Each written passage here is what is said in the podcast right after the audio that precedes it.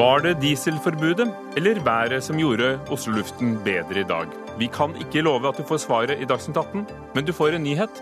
Det blir ikke forbudt mot dieselbiler i morgen. Politikere er pinglete. De tør ikke å ta valgene som gir omstilling, sier tidligere moderniseringsminister Morten Andreas Meyer. Det blir litt urettferdig å si at det ikke skjer noe, sier dagens regjering, som syns altså at det er urettferdig at vi ikke påstanden om at vi ikke får valuta for pengene.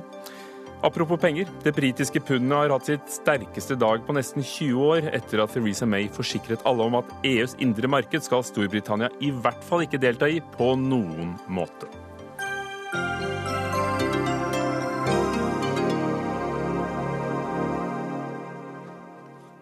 Velkommen til Dagsnytt 18 med Ugo Fermariello i dag.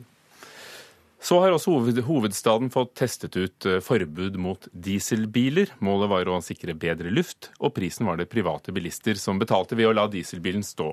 Tall fra Fjellinjen, som krever inn bompenger rundt hovedstaden, viser at biltrafikken gikk ned med 10% I dag tidlig var luftkvaliteten veldig bra, men nå utpå ettermiddagen har den variert litt mer. Hilde Foss eh, Christensen, kommunikasjonssjef i Fjellinjen. Viser dette at dieselbilforbudet har virket? Ja, altså våre passeringer har helt tydelig gått ned på dieselbiler. Så det ser sånn ut. Dere hentet ut tall på hvor mange bilister som passerte i morgentimene i dag, og mm. sammenlignet med hvor mange som kjørte gjennom bommen i morgentimene i går. Ja. Hva er resultatet?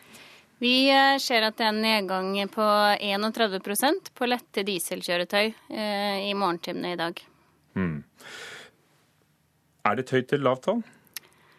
Eh, det er jo en markant eh, reduksjon da, på dieselkjøretøy. det er det. Men når det bare er 10% færre kjøretøy, så betyr det kanskje at andre har eh, grepet til bil nummer to? Ja, vi ser at det er en økning på, på bensin og el- og hydrobilene. Så, så noen har kjørt den andre bilen.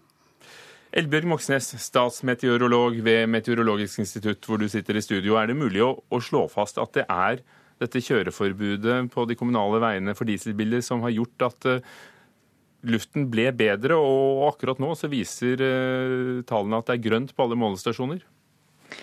Jeg må nok også ta, ta med hensyn til at eh, været kanskje har blitt litt annerledes enn det som var i hvert fall annerledes enn det var i går, og også kanskje litt annerledes enn det vi hadde sett for oss. Eh, så det har nok eh, hatt en innvirkning, det også. Vi fikk jo inn litt snø allerede tidlig i morges, som kan ha vært med på å vaske ut litt av luftforurensninga. Og så mm, har det også blitt litt mer ut av det regnværet utover dagen i dag, da, med underkjølt regn som har kommet eh, nå utover ettermiddagen. Så det kan nok også ha hatt en eh, effekt. Men det er vanskelig å si hvor stor effekt det har hatt da, i forhold til den reduksjonen i, i dieselbiler som vi hører. For det som kommer til å bli en politisk krangel, er jo selvfølgelig er det dette forbudet som gjorde at luften ble bedre, og hva må til for å kunne dokumentere det?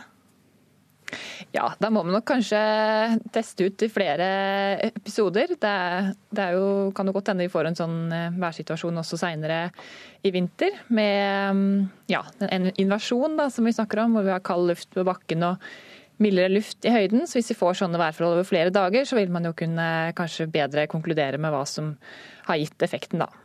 For du snakker om dette at snøen vasket ut luften og, og inversjon i går. Kan du forklare dette paradokset? At det er som når dagen er som finest, med, på klare, rene, kalde dager, at luften er verst?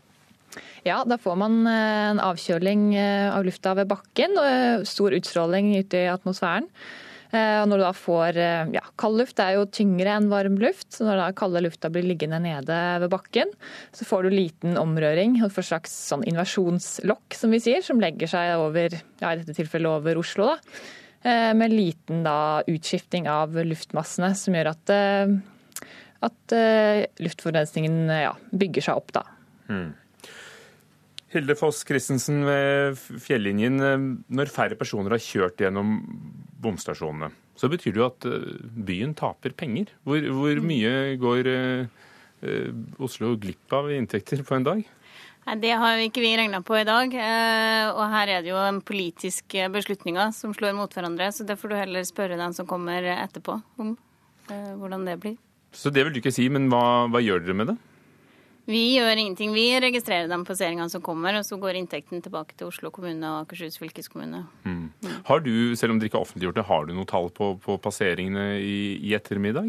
Noen foreløpige tall? Mm, nei, vi har ikke tatt fram noe tall i, i, for ettermiddagen. Men vi, vi, regner med at det er den samme tendensen som det var i morgentimene. Mm. mm. Elbjørg Moxnes, eh, hva viser luftkvaliteten nå? Det som jeg har sett på målingene, har jo vært at det har vært eh, lavere enn i går. og jeg snakka med Bymiljøetaten her i stad, så sa de at det har vært en mer normal dag da, i forhold til de målingene som de har hatt. Så det var jo mye høyere i går, blant annet. Så, ja, altså, det, det, jeg tar ikke feil. Det er, det er grønt, altså. Men for å konkludere. Er det været, eller er det at det har vært færre dieselbiler? Ser ut til å være rundt 30 færre enn i går. Jeg tror det er vanskelig å konkludere med det nå. Jeg tror man må gå gjennom målinger eh, både eh, av luftforurensning og også biler etter hvert, og så se ja, Muligens kan man konkludere etter det, og kanskje kan man ikke komme frem til en konklusjon i det tilfellet her. At man må ha som sagt da en, en ny episode med samme værforhold, kanskje over flere dager, hvor man da kan få teste ut om, om hva som gir effekt. Og, og du som sitter midt i det ved Meteorologisk institutt, hvordan ser det ut for i morgen? I morgen så ser det bedre ut. Det kommer etter hvert inn eh, litt mer vind, så du får nok mer omrøring i luftmassene. Det blir også litt eh, mildere temperaturer og litt andre værforhold nå de neste dagene. Takk skal dere ha. Både til deg, Elbjørg Moxnes, statsmeteorolog, og Hilde Foss Christensen ved Fjellinjen. Dagsnytt 18 alle hverdager kl 18.00 på NRK P2 og NRK2.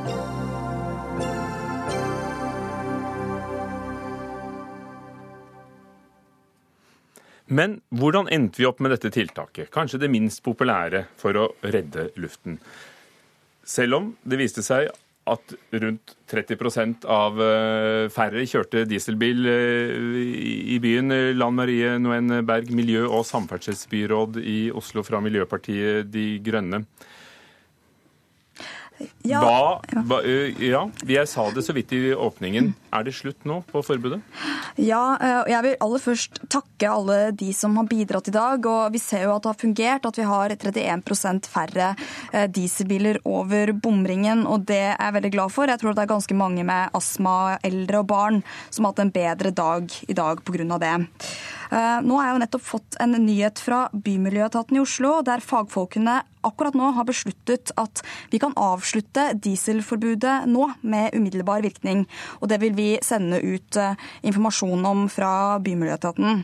Og jeg vil eh, gjerne jeg vil takke veldig for at folk har latt bilen stå i dag, for vi vet at luftforurensning er et stort problem. Over 200 000 mennesker i Oslo blir ramma for høy luftforurensning hvert år, og vi vet at rundt 100 Ja, ja for, for, det er jo faktaene, og, ja. og, som vi fikk presentert også rikelig i går, før dette forbudet. Og folk hadde jo ikke så mye valg, for, for, for det var jo faktisk et forbud og, og risikerte bot hvis ikke uh, bilister hadde gyldig grunn. Mm. Men da, du hørte meteorologen her. Det er jo ikke entydig om det er kjøreforbudet eller uh, værforholdene som gjør at luften nå er grønn og, og var bedre i dag. Burde du ha, ha vært med på å, å stanse dette forbudet da det var klart at dagen i dag gikk bra? Jeg forholder meg til eh, fagfolkene og til meteorologene som har gitt meg eh, dette rådet. Og dette, jeg er glad for at vi for første gang i Oslo har satt helsa til folk først, når vi vet at det er et så stort helseproblem som det er. Vi må huske på at 185 mennesker i Oslo dør for tidlig hvert år pga. høy luftforurensning. Og så ser vi at eh, det vi ser nå, er at værprognosene har endret seg litt, og at, og at Bymiljøetaten Eh, mener òg at det er sånn at eh, det at folk har latt bilen stå i dag, har hjulpet mye på det. Og jeg er veldig glad for det, fordi når luftforurensningen blir høy, da er det fare på ferde. Ketil Solvik-Olsen, samferdselsminister fra Fremskrittspartiet. Var dieselbilforbudet et riktig tiltak? Det framstår nå som at det ikke var nødvendig. Eh, det ble jo meldt om at lufta var mye bedre enn det en frykta allerede på morgenen av, så alt tyder på at det vil bli bedre. Men jeg er helt enig i det overordna her, at vi må få god luft alle plasser folk bor. Både på land, men ikke minst i byene òg, der utfordringen gjerne er størst. Nå er det ikke riktig at det er første gang en har prioritert helse i Oslo, sånn som en får inntrykk av her, det ligger jo til grunn for at dagens regjering har tredobla kollektivbevilgningene til Oslo. Det ligger til grunn for at vi har videreført politikken med nullutslippsbiler, som gjør at der forrige regjering fylte byene med dieselbiler, så har vi sørget for at det er nullutslippsbiler. Men så er det det at i store byer på noen dager blir luften så dårlig at den overskrider grenseverdiene. Hva burde uh, Berg ha gjort hvis du mener at det kanskje ikke var nødvendig? Ja, jeg skal være litt forsiktig, for i min rolle som statsråd så er jeg nasjonalpolitiker. Og vi har overlatt til kommunepolitikerne å ta sine beslutninger for sin, eh, for sin by.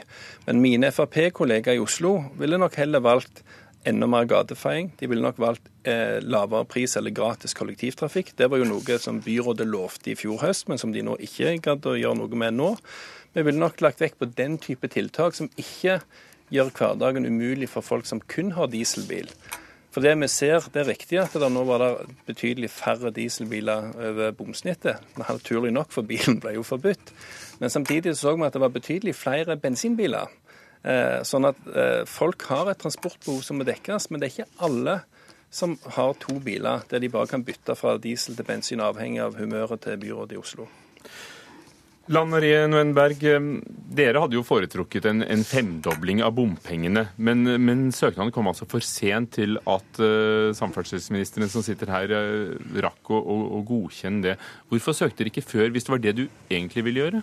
Jeg vil gjerne svare på det, men først har jeg lyst til å svare litt på det Ketil Solvik-Olsen sier. fordi Hvis han mener det, han sier at de ville vasket veiene mer og satset mer på kollektiv, så lurer jeg jo på hvorfor det er sånn at vårt byråd, etter bare ett år i byråd, vasker veiene fem ganger mer enn da Frp styrte byen. Og vi har bevilget mer penger til kollektivtrafikken i byen enn det som Frp eh, gjorde på fire år. Det kan jeg svare på. Vil du det? Jeg vil det. Ja, fordi at eh, vi har endra eh, fordelingsnøkkelen til hva bevilgninger byene får.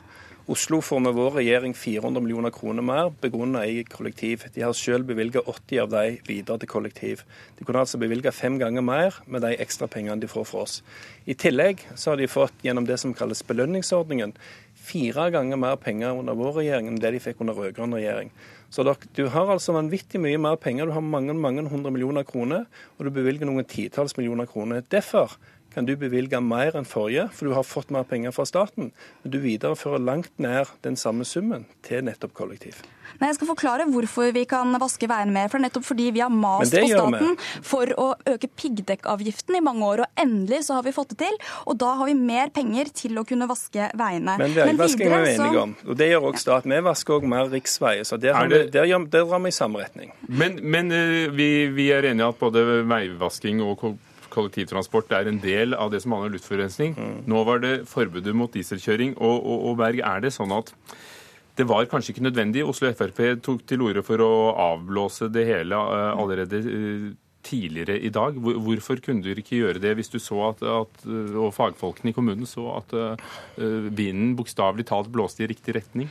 Nei, men Det så man ikke i går, og man så det heller ikke tidligere. Så dette var først noe man visste sent i dag, og fagfolkene våre har, har vært i kontakt med Meteorologisk institutt og sett på denne situasjonen kontinuerlig. Det var rett før jeg kom inn i studio nå at man visste at man kunne avblåse det med trygghet i at det ikke ville gå utover folks helse. Og som, eh, som Eh, representanten fra Meteorologisk institutt sa nettopp, så kan man ikke vite hva det var som gjorde det. Men det viktigste for meg er at vi ikke havner i en situasjon med høy luftforurensning, for det er faktisk veldig dødelig. Og så har jeg lyst til å spørre Ketil Solvik-Olsen om noe. fordi nå har nesten alle politikerne i Oslo og Akershus vi har vedtatt det som kan redusere luftforurensningen mest på lang sikt, og som kan gjøre at vi kan slippe å innføre sånne inngripende akuttiltak som penger i bom, eh, femdobling i bomringen og dieselforbud. Og det er bompengene i Oslopakke 3.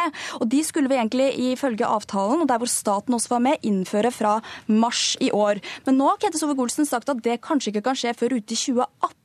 Og jeg lurer veldig på hva er det egentlig som foregår her? For det ligger jo, og det sto på programmet her, eh, å spørre om dette her. Mm. Det ligger i Oslopakke 3 at, at, det blir en differensiering for, for dieselbiler. Hvorfor er det utsatt? La meg bare si Oslopakke 3 er jo en kjempeløft for kollektivsatsingen. Ikke fordi at Oslo har valgt å prioritere penger, men fordi staten prioriterer penger. Oslos bidrag i dette å øke bompengene, det er det valget som de rød-grønne i Oslo velger. Så er det sånn at vi har sagt at for å få til dette, så må du rett og slett endre loven. I dag så er det som eh, Oslo-byrådet ønsker, forbudt. Men flertallet i Stortinget har sagt at dette ønsker de å få til, og nå er vi i gang med å endre den loven. Men vi kan altså ikke innføre noe som er ulovlig. Men det tar tid, er det det du sier? ja, dessverre så tar ting tid.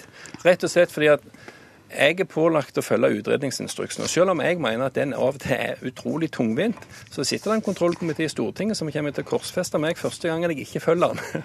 og Derfor velger jeg å følge den. Men, men, men, men Berg, altså, dette, dette, tar tid.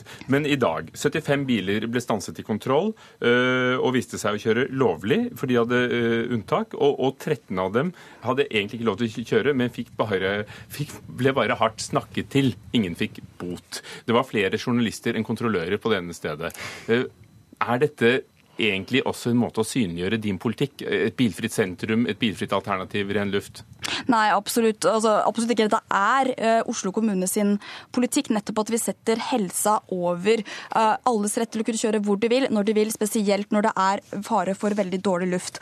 Og så har jeg lyst til å si at uh, Ketil Solvik-Olsen han vi, har veldig mange gode eller mindre gode grunner for at han mener at dette her ikke kan tre i kraft. Og jeg forstår egentlig ikke det. For nå har han også hatt veldig lang tid på å innføre lavutslippssoner og muligheten for det, og på miljødifferensiering helt fra vi vedtok Oslopakke 3 i sommer. Og jeg skjønner ikke hva som tar så lang tid. Et eksempel, på, nei, et eksempel til på dette her er at Ked Sofik-Olsen krever at det skal settes opp skilt som er så lange at det som Vegdirektoratet skriver i sin høringsuttalelse, er at da må man egentlig lage en sånn ny liten lomme ved siden av så bilistene kan stoppe for å se på den. Og jeg bare lurer på om dette bare er veldig smarte måter å trenere god miljøpolitikk på. Solvik-Olsen, er, er, du for streng og for omstendelig? Nei, og for å si det sånn, det er ikke jeg som foreslår hvilket skilt som skal være i Norge. Det har vi en egen fagetat som heter Vegdirektoratet som gjør.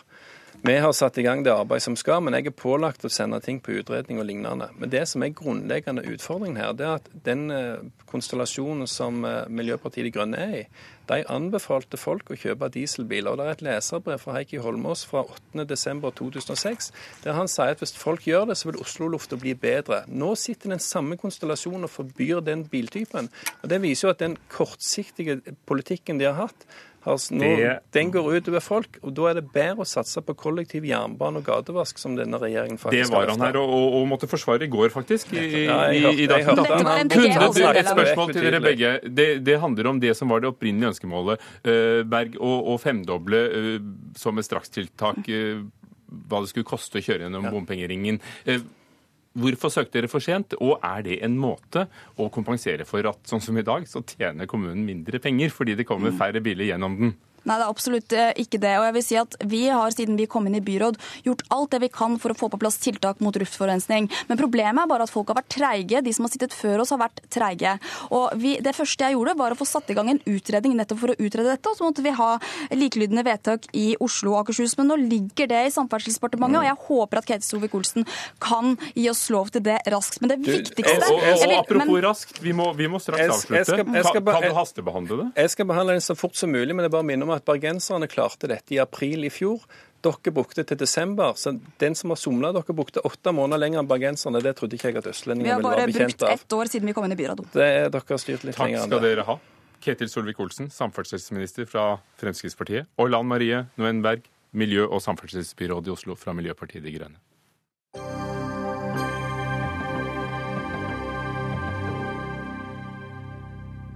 Not partial membership of the European Union, associate membership of the European Union, or anything that leaves us half in, half out.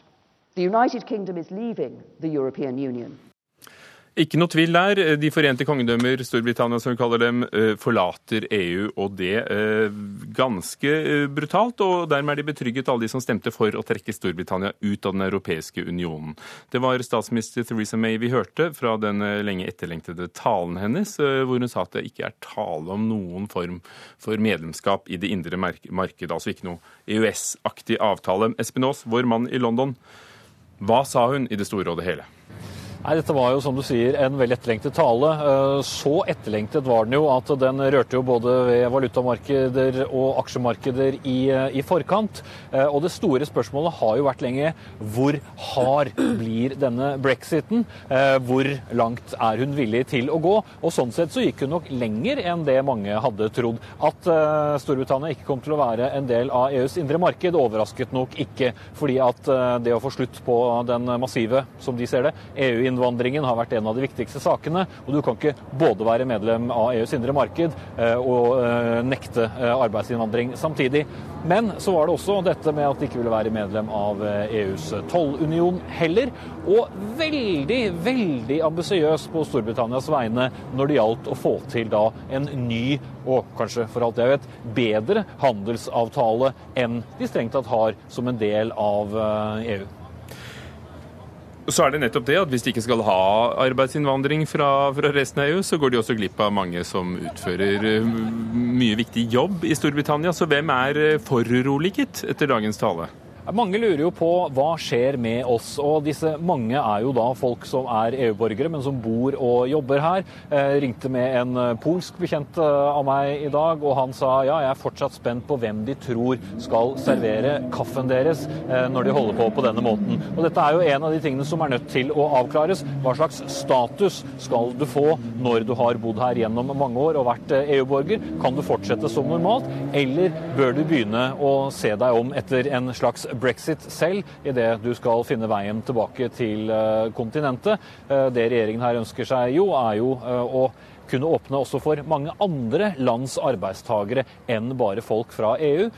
De vil at de skal kunne sidestilles, og at det er Storbritannia selv som får avgjøre hvem får komme, og hvem får ikke. Elisabeth Holvik, sjeføkonom i, i Sparebank1. Pundet har aldri vært så sterkt på nesten 20 år, siden 1998.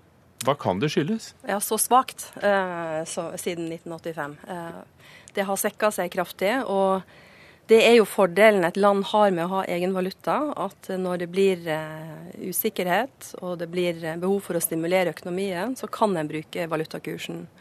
Så det som skjedde etter fikk avklart at det ble brexit, så har jo pundet svekka seg kraftig.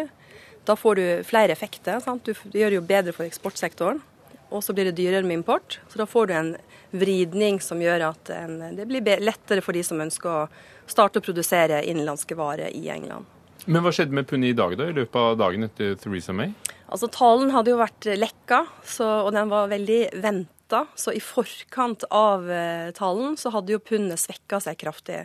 Så fikk en talen, og den var tydelig, den var uh, detaljert. Så da uh, styrka faktisk pundet seg litt grann i dag. Eh, og når du sitter i finansmarkedet, så er det noe som heter buy on rumors, sell on facts. Så her hadde markedet vært i forkant. Og den talen som kom, den var ikke verre enn det en hadde frykta. Tvert imot, var, hun hadde ganske eh, var en tydelig tale der hun skisserte opp eh, noen sånne eh, Trump-kort. Og så hadde hun jo den ekte Trump i bakhånd, som har også signalisert at han er jo mye mer for bilaterale avtaler enn slike eh, avtaler med mange land. Så sånn sett så eh, kasta kanskje Teresa May seg litt på eh, Trump-bølgen. I håp om å få en god avtale med, med eh, USA. Eh, eh, Espen Aas, hva sier økonomer i Storbritannia? Økonomer flest mener jo at det er ikke eh, bra for Storbritannia å ikke være en del av EUs eh, e indre marked. Eh, men det spørs jo hva som skjer med enkelte ting som City of London. Fikk en kjapp uttalelse derfra i sted. De er glade for at Theresa May nå endelig er konkret på hva hun ønsker, og de håper jo at de fortsatt kan være et finanssenter i Europa. De mener jo at det må kunne gå an, selv om ikke det er en del av EUs indre marked. og mange Eh, banker og forretningsinstitusjoner i Europa mener jo også at det vil være bra om det fortsetter. Men det er jo en, en, uro selvsagt for fremtiden. Den underliggende økonomien og den økonomiske veksten i Storbritannia er god. Inflasjonen uh, har uh, også økt. Det er uh, etterspørsel. Men det er jo nå. Storbritannia er jo fortsatt EU-medlem. Vi vet jo ikke hvordan disse to årene med forhandlinger går. Og Theresa May sa jo også i talen sin at hun ikke ønsket at disse forhandlingene skulle pågå i mer enn to år. Så hun prøver også å klemme EU litt ekstra der, og avsluttet den delen av talen med å si at hun vil heller ikke ha noen avtale enn å ende opp med en dårlig avtale. Så fortsatt så er det jo veldig mye usikkerhet. Så det er altså bare dagens lille oppgang som er stor i, forhold til uh, de tidligere år. De, de, Pundet forblir fortsatt lavt. Og, og, og, tysk næringsliv Elisabeth Holvik, har jo sagt i dag at uh, nå må de begynne å se på investeringene i Storbritannia. Hva er det næringslivet og finanslivet håper på med en brexit? Hva, hva er det beste som kan skje? Altså, det beste som kan skje, er jo at uh, en får til en avtale mellom EU og uh, England om fortsatt uh, frihandelsavtale. Det som England virkelig ønsker, er å få kontroll på innvandringa og bestemme hvem skal få lov å komme. De ønsker å bestemme egne lover, og er det blir det konflikt, så skal det opp i britisk rettssystem, ikke i Brussel. Uh, og det som uh, også Teresa uh, på en måte pressa litt på med, det er å si at hvis vi ikke får til en avtale med EU som vi er fornøyd med, så vil ikke vi ha noen avtale. Og da vil de mest sannsynlig kutte skattene betydelig på bedrifter sine investeringer. Sant? i et skatteparadis. Og da vil jo England kunne fortsette å være et finanssenter, et, et sted der bedrifter kan etablere seg med billig skatt. Philip Lote, vår eh, mann i Brussel. Hvordan eh, har EUs eh, e topper tatt imot talen fra London? De har vært veldig positive til at det var en klar og tydelig og godt forberedt tale.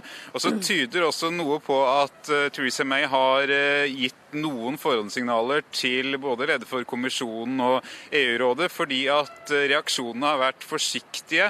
Ofte så kommer det Twitter-meldinger fra den ene og den andre EU-hovedstaden og fra forskjellige EU-topper som reaksjon på denne type taler, men eh, det tok litt tid før de begynte å reagere. Og det virker som om EU anstrenger seg for at alle de 27 medlemslandene skal være samlet.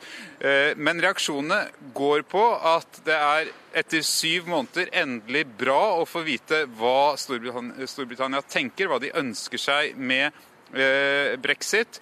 Eh, at eh, et rent brudd er noe å forholde seg til. Det er på mange måter enklere enn en, en plan som, hvor man skulle ønske seg litt av det og litt av noe annet, og så måtte man sette seg ned og forhandle veldig komplisert om hvor man skulle være med og ikke være med.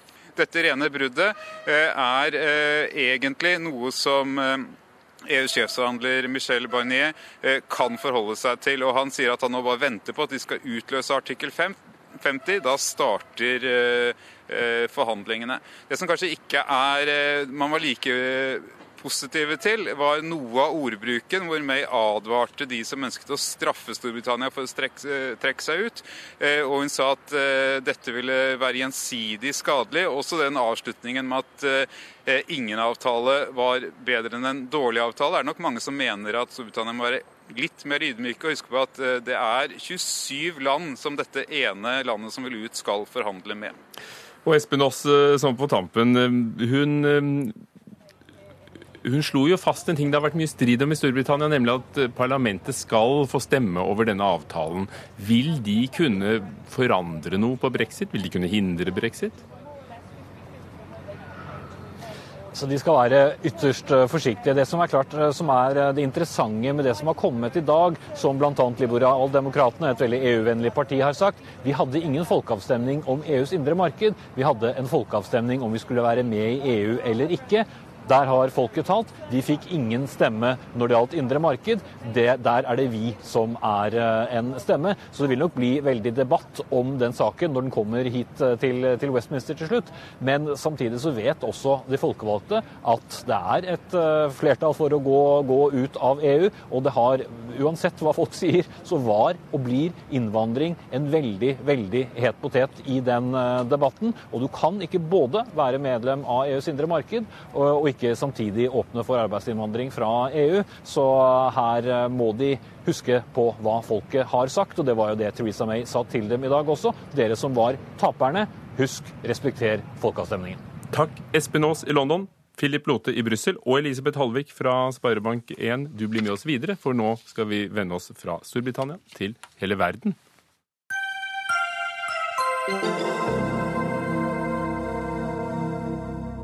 Verdens ledere, i hvert fall mange av de mektigste, er samlet i Davos i Sveits under åpningen av Verdens økonomiske forum, World Economic Forum. Der var også brexit og USAs kommende president Donald Trump på manges lepper. Spørsmålet om globalisering og hvilken retning verdensøkonomien skal ta fremover, er tema. Tore Tollersrud, økonomireporter her i NRK, på plass i Davos. Eh, Kinas president holdt åpningstalen. Den var det mange som var spent på, men hva sa han? Han holdt jo et helhjertet forsvar for globalisering, og mente at globalisering er ikke problemet i, i verden nå. Eh, han sa jo noe som oppmuntret eh, folk her under eh, World Economic Forum i Davos. Fordi fra annet hold, bl.a. fra påtroppende president Trump i USA, så får man jo inntrykk av at det skal startes handelskriger. Man snakker om at USA kan bli mer, mer innadvendt og eh, ikke ønske frihandel. Mens altså Kinas president av alle kommer hit og blir hyllet, og man snakker om at han er eh, konferansens store superstar. Aldri har en kinesisk president vært her før. Og Kina har en kjempedelegasjon her med flere uh, hundre som virkelig setter preg på Davos. Så uh, Kinas president har gjort seg meget populær blant uh, verdens økonomiske og politiske elite, som jo eh, samles i Davos i disse dager. Kinas president um, har jo da kanskje sine egne og Kinas egne behov i tankene når han uh, ønsker økt internasjonal handel. Men hva er stemningen blant, uh, blant ledende kvinner og menn ellers? Ja, Det er eh, stor usikkerhet eh, rundt eh, dette møtet. Ikke så mye i økonomisk forstand. Vanligvis er jo folk her bekymret over verdensøkonomien, som jo har gått svært trått de siste årene. Nå er det blitt noe bedre, også faktisk i Europa. Men man er mer opptatt av politisk risiko. Man er jo nå svært usikker på hva som kommer til å skje i USA under Trump. Og man er usikker på hva som skal skje rundt brexit. Og Det er særlig eh, dette med eh, frihandel eh, som folk er opptatt av her. Man er usikker på hvordan Trump skal håndtere dette, da, og kanskje særlig i forhold til Kina. Han har jo kommet med signaler om at han vil legge straffetoll på kinesiske varer. og Da vil det antageligvis raskt bli svart med samme mynt fra Kina Kina, og dermed så har vi en handelskrig gående.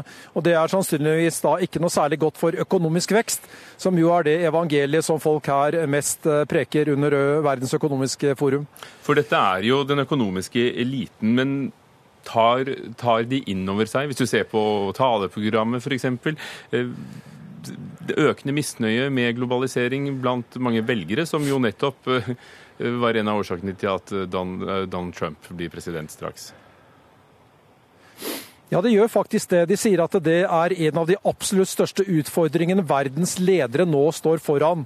For man har sett at det er mangel på tillit mellom verdenseliten, som de da selv representerer, og brede lag av folket. Og Det har valget i USA vist, og det har folkeavstemningen i Storbritannia vist.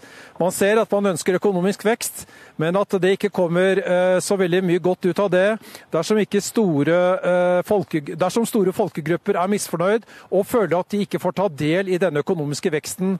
Så Det ser man eh, her nå, og det er også flere av punktene på, på dagsordenen her, er å snakke om hvordan man skal lykkes bedre med å fordele, for, fordele godene. Den britiske hjelpeorganisasjonen Oxfam har jo kommet med en undersøkelse nå rett i forkant av Verdens økonomiske forum. Den viser at de åtte rikeste i verden har like store verdier som den fattigste halvdelen av hele verdens befolkning.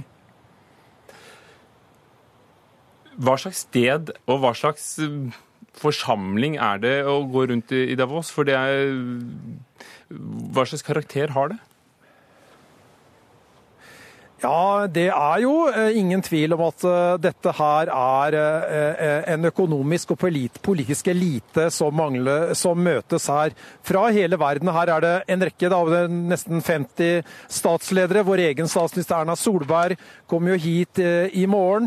Og noen har kalt det en, en rikmannsklubb, og det er nok mange som er veldig rike her også.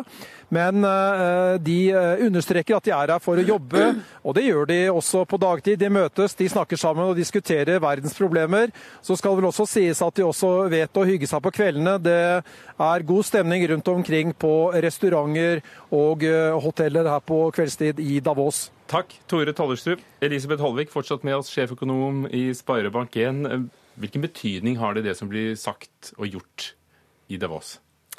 Jeg tror nok det får mindre og mindre betydning. For som du sier, det er eliten som sitter der. Og det er jo de som på en måte har eh, skapt de problemene som vi ser, med at du har hatt en, eh, det som sosiologer kaller en, eh, en, At eliten har hatt stadig nye prosjekt for å hjelpe fattige, og så glemmer de hvem som skal betale for det, og det er disse store massene i midten. Og disse store massene i midten har jo på en måte ikke hatt noe sterkt talerør. De har eh, gått på jobb og betalt skatt, og på en måte ikke brydd seg så mye. Men nå ser jeg at jobbene har forsvunnet, inntektene har stått stille eller gått ned. Og da blir det til slutt at de slutter rekkene og protesterer. Og da vil en jo vende seg mot eliten, sant? for det er de som på en måte har eh, skapt problemet. Og hvis du tenker tilbake på det som Trump nå, eh, hans prosjekt, sant? det er jo å si at den eh, verdensorden vi har hatt siden andre verdenskrig, med Bretton Wood, med valutasamarbeidet, med frihandel, utbredelse av demokrati, FN, WTO, det har gagna USA og Vesten sin interesse fram til nå. Nå begynner en å se baksiden av det. Og de som tjener på det, er kanskje Kina er kanskje andre som ikke har de samme verdiene som vi har. Og det er her Trump forsøker å si at, eh, sånn som jeg leser det i hvert fall, at eh, vi må ikke la oss lure, bare fortsette på en utvikling som kanskje nå ikke gir de samme fordelene som de gjorde før. Er det en reell frykt for at eh, internasjonal handel, som vi har kjent det fra de siste tiårene, er uh, kan stanse opp eh, når Trump skal innsettes som president? Eh, Storbritannia må reforhandle alle sine avtaler. Altså, jeg tror Trump er for frihandel, men på, på eh, fair vilkår. Og allerede i dag så er det veldig økende handelskonflikter mellom land. Tar du et blikk tilbake til 2008, da samhandelen mellom Kina og USA på en måte sprakk, og markedet i USA, Kina mista sitt marked, så har en i årene etter 2018 forsøkt å løse krisen ved først å kutte renta til null, bruke masse penger over statsbudsjettet. Det har gjort at gjelda nå har økt i alle land. Så har en forsøkt å svekke valutakursen. Og når en ser at disse virkemidlene ikke er nok til å skape nok arbeidsplasser og stabilitet politisk, så er neste punkt proteksjonisme. Og vi har sett en kraftig økning i proteksjonistiske tiltak. Obama har nettopp meldt eh, Kina inn pga. deres subsidie av aluminiumshandel. Så, så, dette er noe som Det er ikke Trump som har gjort det, det har skjedd før han tar over. Ser du Norge bevege seg i samme retning? Eh, vi er jo utrolig avhengige av frihandel som et lite åpen økonomi. Og vi selger og importerer jo utrolig masse. Så for oss vil det jo være fryktelig om det blir mer proteksjonisme. Men jeg tror at eh, vi har jo sett at norske bedrifter har blitt eh, kjøpt opp og mm, arbeidsplasser flytta ut. Vi har hatt veldig høy innvandring. Eh, og dette kan skape grobunn for den type gnisninger som vi ser i andre land. Takk skal du ha. Sett fra en økonomisk ståsted, sjeføkonom i Sparebank1, Elisabeth Holvik.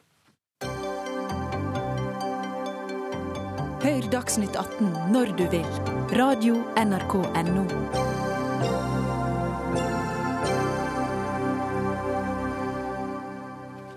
Mer enn én av tre nordmenn arbeider i det offentlige av dem som er sysselsatt. Morten Andreas Meyer var en av dem den gangen han var moderniseringsminister fra Høyre i Bondeviks andre regjering. I dag er han partner i rådgivningsselskapet First House og vil at flere skal over i det private.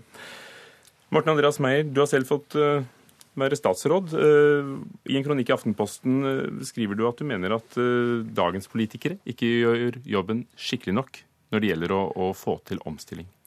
Nei, og det har sammenheng med at uh, tiden, er, uh, tiden, for flaks er over. Um, vi har vært veldig heldige i det tiåret som ligger bak oss. Vi har solgt dyrt og kjøpt billig. Det vi har eksportert, har hatt rekordhøye priser, samtidig som importprisene har sunket.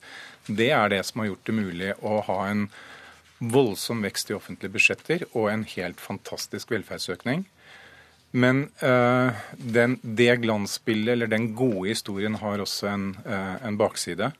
Og den baksiden er at, kall det denne pengerikeligheten, uh, skaper ineffektivitet. Den skaper en manglende omstillings omstillingsevne. Du syns ikke vi får valuta for penga? Nei, effektiviteten eh, svekkes. Eh, prioriteringene blir ikke så viktige lenger. Og det er ikke god pengebruk, eh, men stor pengebruk som blir premiert, og som, som er det politikere og, og, og administrasjonen selv er opptatt av. Pål Schaffi, statssekretær for Moderniseringsdepartementet. Trenger vi omstilling? Ja.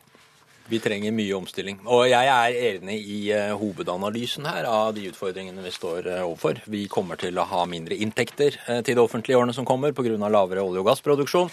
Og vi kommer til å ha høyere utgifter fordi befolkningen blir eldre. Og så det krever omstilling. Så hva gjør du og statsråd Sanner med det? Nei, og det, er kanskje Når Morten Meier skriver sine kronikker, syns jeg han underkommuniserer en ting. Eh, og det er at vi jo er i gang med veldig mye som eh, er svar på de utfordringene. Eh, denne uken har det vært mye snakk om politireform, som skal gjøre at vi får flere politifolk ut i gatene og der folk bor, og færre på kontor.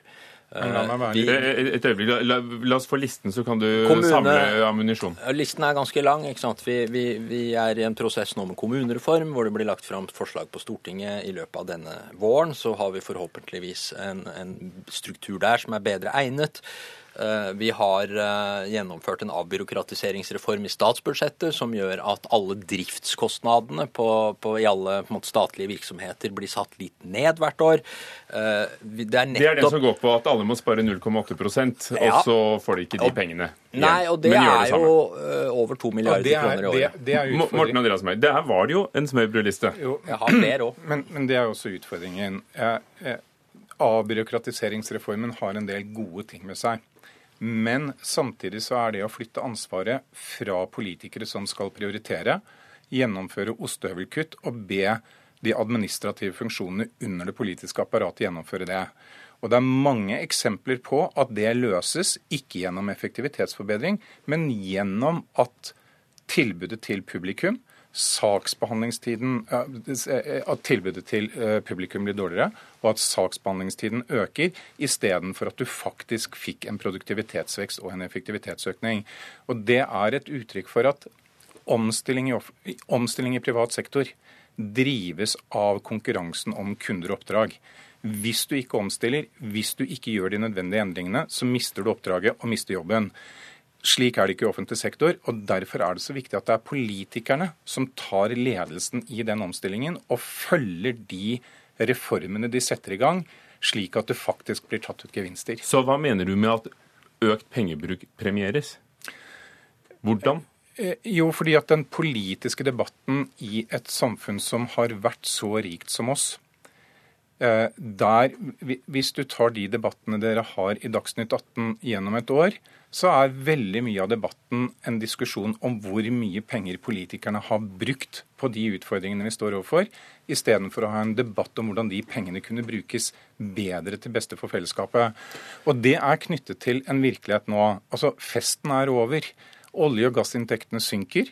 Uh, utgiftene til pensjon, til pleie og omsorg, til helse kommer til å øke dramatisk. Så uten en mye raskere og mer omfattende omstilling av offentlig sektor, så er det faktisk disse viktige velferdstjenestene som skaper trygghet i hverdagen, som står i fare. Pål Schaffi han påstår altså, Meyer, at tilbudet svekkes. Det er ikke en effektivisering hvis det ytes mindre?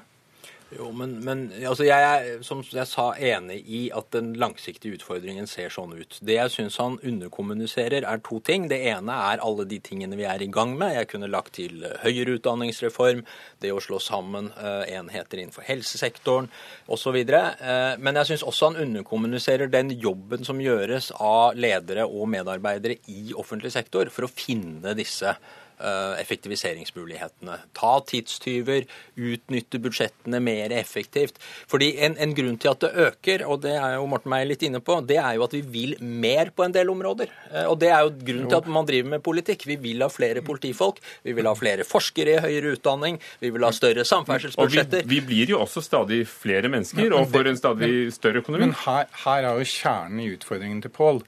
Ja, det er riktig å satse på mer forskning og høyere utdanning. Det er viktig å satse på et uh, sterkt tilstedeværende politi. Men det innebærer at vi samtidig må finne de områdene hvor vi kan gjøre mindre norske politikere har levd gjennom en periode hvor, vi, hvor, det ikke har vært nødvendig å prioritere, og hvor det, vært, og hvor det har vært mulighet, mulig å ese ut på mange områder samtidig. Gjelder det også da, da du var statsråd, også fra Høyre, og at du, du, slapp å prioritere? Du kunne egentlig bare modernisere? Der, eh, det, var mer, eh, det var mer krevende da enn det det er nå. Hva gjorde eh, du, da? Hver, hver, fem, hver femte krone hver femte krone på et offentlig budsjett kommer fra statens inntekter fra petroleumsvirksomheten. Eh, hvis du går ti år tilbake og 20 år tilbake, så eh, var det eh, en prosent eller to og fem. Så det forteller jo hvilken avhengighet vi har bygget opp til en, til en inntektskilde som er på vei til å flate ut. Eh, og den utfordringen må vi ta tak i. Men du så vel den utfordringen da du også var statsråd? Ja, jobbet, og hva gjorde du med det? Vi jobbet mye med bl.a. å gjennomføre store digitaliseringsprosjekter, hvor et av kravene må være at uh, gevinster gjennom digitalisering uh, faktisk tas ut. La meg gi et eksempel. Ansatte i DNB eller bemanningen i DNB er omfattende påvirket at vi nå er selvbetjente kunder gjennom en Eh, nettbank. Tre millioner skattytere leverer selvangivelsen sin digitalt.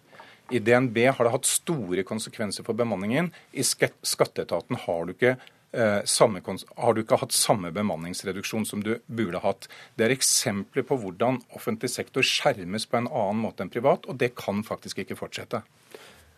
Har eh, dere det offentlige noe å lære av de private som må omstille seg for å ikke tape i konkurransen? Ja, jeg tror de har en fordel eh, som konkurransen gir, ved at hvis du ikke, ikke gjør jobben din Nei, for de har ikke noe valg. Eh, og det kan være en god ting. Eh, nå tror jeg ikke presset på ledere i offentlig sektor nødvendigvis er mindre. Medieoppmerksomheten og oppmerksomheten om kvaliteten på tjenestene er ofte mye høyere. Eh, men, men, jeg er enig i at vi skal være opptatt av det og sørge for at det, det, presset er så godt som mulig. Nå har vi jo i det statsbudsjettet som eh, er vedtatt for 2017, for første gang dratt inn eh, digitaliseringseffektgevinster. Det, det skjedde ikke på, på, din tid. 200 millioner. Det kommer til å bli mer i årene som kommer, hvis vi gjør jobben vår riktig. Dere er litt sent ute, da. Dere, denne regjeringen i hvert fall, som den er vi holder på, eh, og vi vil gjerne få lov til å fortsette den jobben. Så, så vil jeg grepe tak, ja, jeg ville grepet tak i én ting raskt, og det er å trekke opp en tydelig grense mellom hva staten faktisk skal gjøre, og hva som kan overlates til et velfungerende marked. I dag opererer det store statlige virksomheter innenfor områder hvor de i realiteten er markedsaktører mer enn myndighetsorgan. Det er en effektiv, rask måte å få slanket staten på. Og siden dere er i samme parti i Høyre, så er du vel ikke du enig, Pål Schaffi? Vi må siste? bruke pengene så effektivt som mulig. Det er jeg helt enig i. Apropos det med, med, med, strenge grenser. Takk skal dere ha. Eh, Morten Andreas Meyer, eh, nå i First House, tidligere statsråd, og Pål Schaffi, statssekretær i Moderniseringsdepartementet.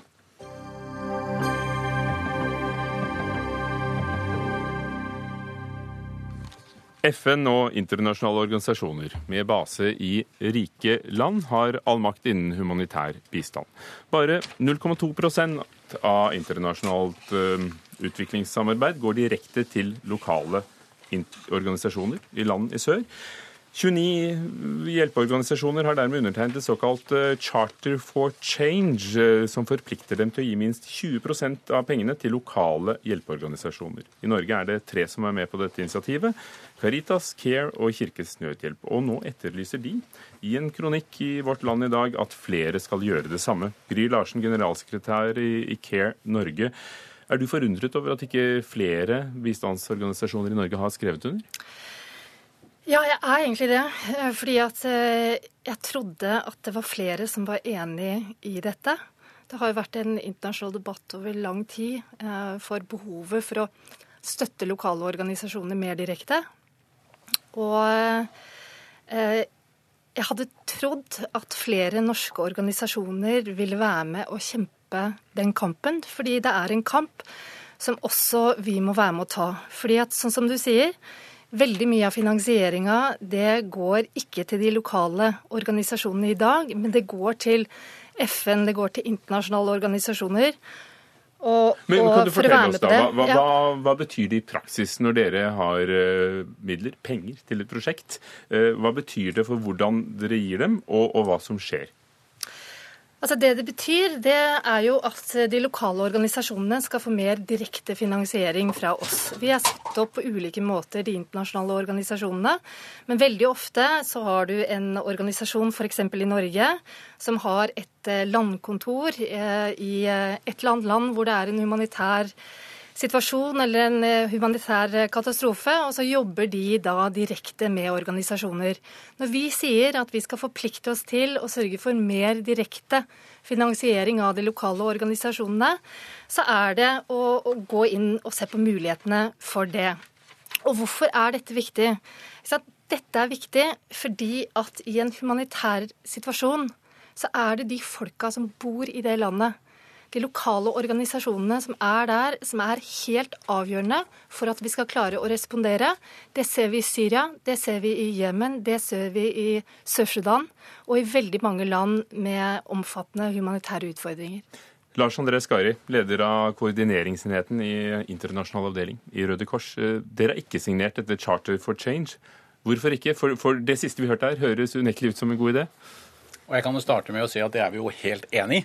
Eh, realiteten er jo at eh, Røde Kors, eh, Røde Halvmåne, eh, med ens nettverk av eh, 190 nasjonalforeninger, eh, som er eh, organisert gjennom 160 000 lokalforeninger rundt omkring i verden, og sånn sett er verdens største humanitære nettverk. Eh, vi er jo på en måte de som er til stede før, under og etter.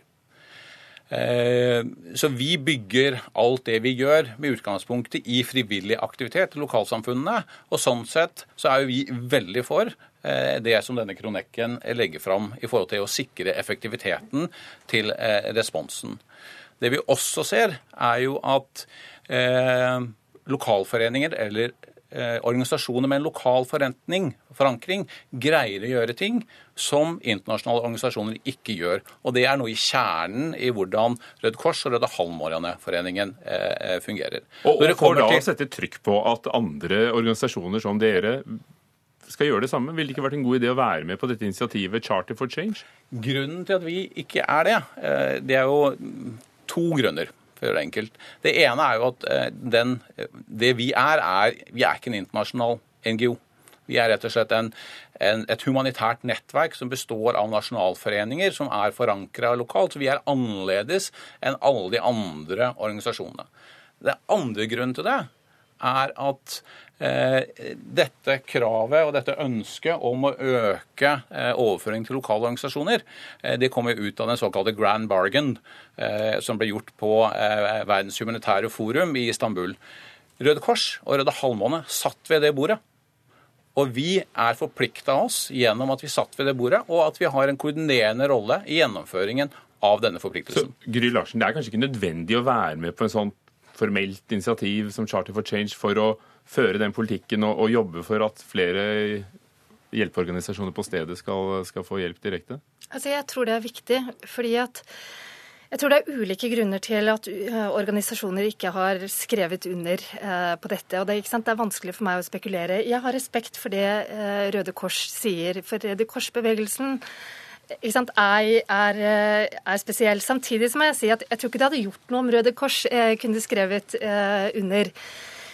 Men, men jeg har hørt at noen organisasjoner sier vel, dette gjør vi allerede. Men da tenker jeg da kan du i hvert fall skrive under. Eh, fordi at det er eh, en større forpliktelse å skrive under på en forpliktelse enn å si at du gjør det.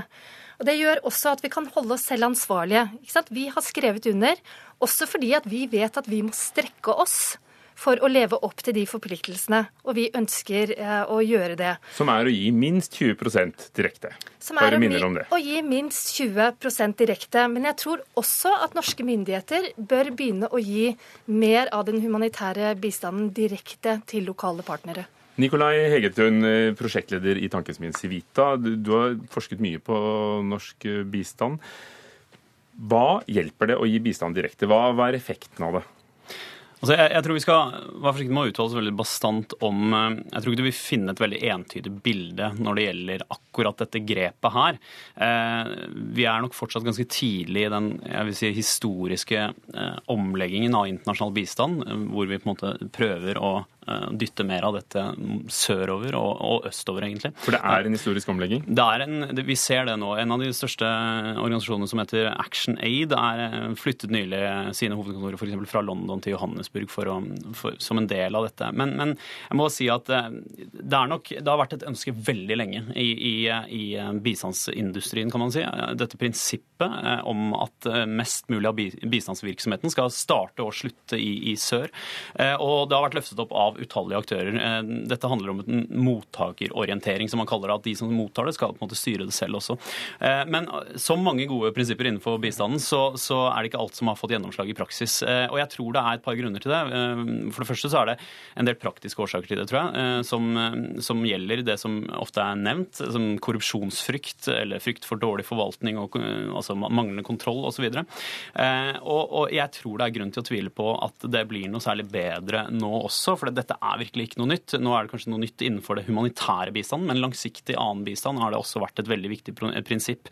Fordi denne rapporteringsregimet som er innenfor bistanden, har bare blitt, tror jeg, blitt strengere, og mange vil si enda mer revisorpreget. Har det ført noe godt med seg, det rapporteringsregimet? Eh, eh, altså, du kan si det, Ja, godt i den grad at eh, det er hvert fall, man føler i hvert fall at man har en viss kontroll på bistandsmidlene. Og politisk sett så er det vanskelig å gi opp dette, denne kontrollen. Eh, men, men, og der er liksom nettopp de norske organisasjonene sine, sine fortrinn. De kan dette forvaltningsregimet. De kan håndtere disse forholdene mye bedre enn organisasjoner i sør. Og det er og blir et, et dilemma her. Hvilke utfordringer dere i Røde Kors Skari, forsøker altså å, å, gi direkte og jobbe direkte, men hvilke utfordringer gir de i forhold til kontroll? Altså Dette er jo giveres penger. Eh, hvordan skal dere vite at dette blir tatt godt hånd om? Altså, I veldig mange av de landene vi jobber, hvis du ser på, eh, på måte Transparency International sin korrupsjonsliste, eh, så jobber jo vi med utgangspunktet på en måte bottom 10 så klart, så Det er en, en, stor risiko i veldig mange av de landene vi, vi opererer. Eh, eh Norges Røde Kors eh, har en tilnærming eh, til det hvor vi bygger økonomistyringskompetansen og rutinene til partnerne våre. Eh, det gjør vi samtidig med at vi bidrar til at våre partnere, altså Nasjonalforeningen i sør, faktisk evner å, nei, evner å finansiere aktivitet lokalt. Et eksempel. Libanon eh, Røde Kors eh, i 2016 de skrev under en avtale med en lokalbank som gjør at de får 500 000 US dollars hvert år.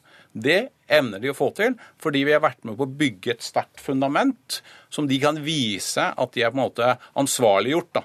Eh, og at de har revisjon og at de har systemer som fungerer. For Gry Larsen, Hvilke utfordringer ser du med at f.eks. en offentlig giver som Norad eller Utenriksdepartementet må ha kontroll, for det er offentlige penger? Hmm. Eh, ja, det er det. Eh, og eh, det er helt reelt ikke sant, at at eh, rapporteringskravene eh, og andre krav som en donor stiller, kan være utfordrende for lokale organisasjoner.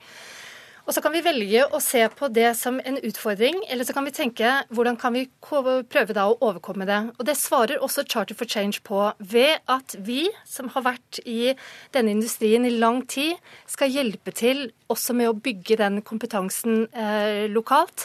Og så skal vi ikke glemme én ting, og det er at også vi har vært en risikopartner på et eller annet tidspunkt. Når vi ble en organisasjon, så, så var vi også en risiko å, å, finansiere pengene gjennom oss. Og da tenker jeg at, at hvis vi eh, er villige til å ta litt mer risiko for å hjelpe lokale organisasjoner i mye større grad, så er det verdt det. Nikolai Høyertøen, Sverige gir de 50% direkte til lokale aktører. Hvordan klarer de det? Nei, Det er nettopp det at vi ser internasjonalt en, en mye større eh, konkurranseutsetting, kall det gjerne det, eh, av, av, bistanden. Eh, og er, jeg tviler jo på om Norge vil klare dette, i og med at eh, man ser Development Today, fagbladet, som har sett på dette, så at fra 2015 så var av de humanitære midlene som kan gå til NGO-er, så gikk 96% av de i Norge til sivilsamfunn, norske sivilsamfunnsaktører. Mens du, som du ser i Sverige er det eh, på 50 og, Så jeg tror det er rom her for å åpne opp litt mer også fra norsk side. Så vår tilnærming til dette her er jo så lokalt som mulig, og så internasjonalt som nødvendig. Mm. Og det er å prøve å bruke den komplementariteten og den kompetansen som finnes i de to forskjellige tilnærmingene, og så optimalisere det. Takk for deres kompetanse. Lars André Skari fra Norges Røde Kors, Nikolai Hegertun fra Civita og Gry Larsen fra CARE, generalsekretær der. Erik Sandbråten var teknisk ansvarlig for Dagsnytt 18. Yara Remi Karlsen, produsent, og Ugo Fermarello, programleder. Takk for i dag.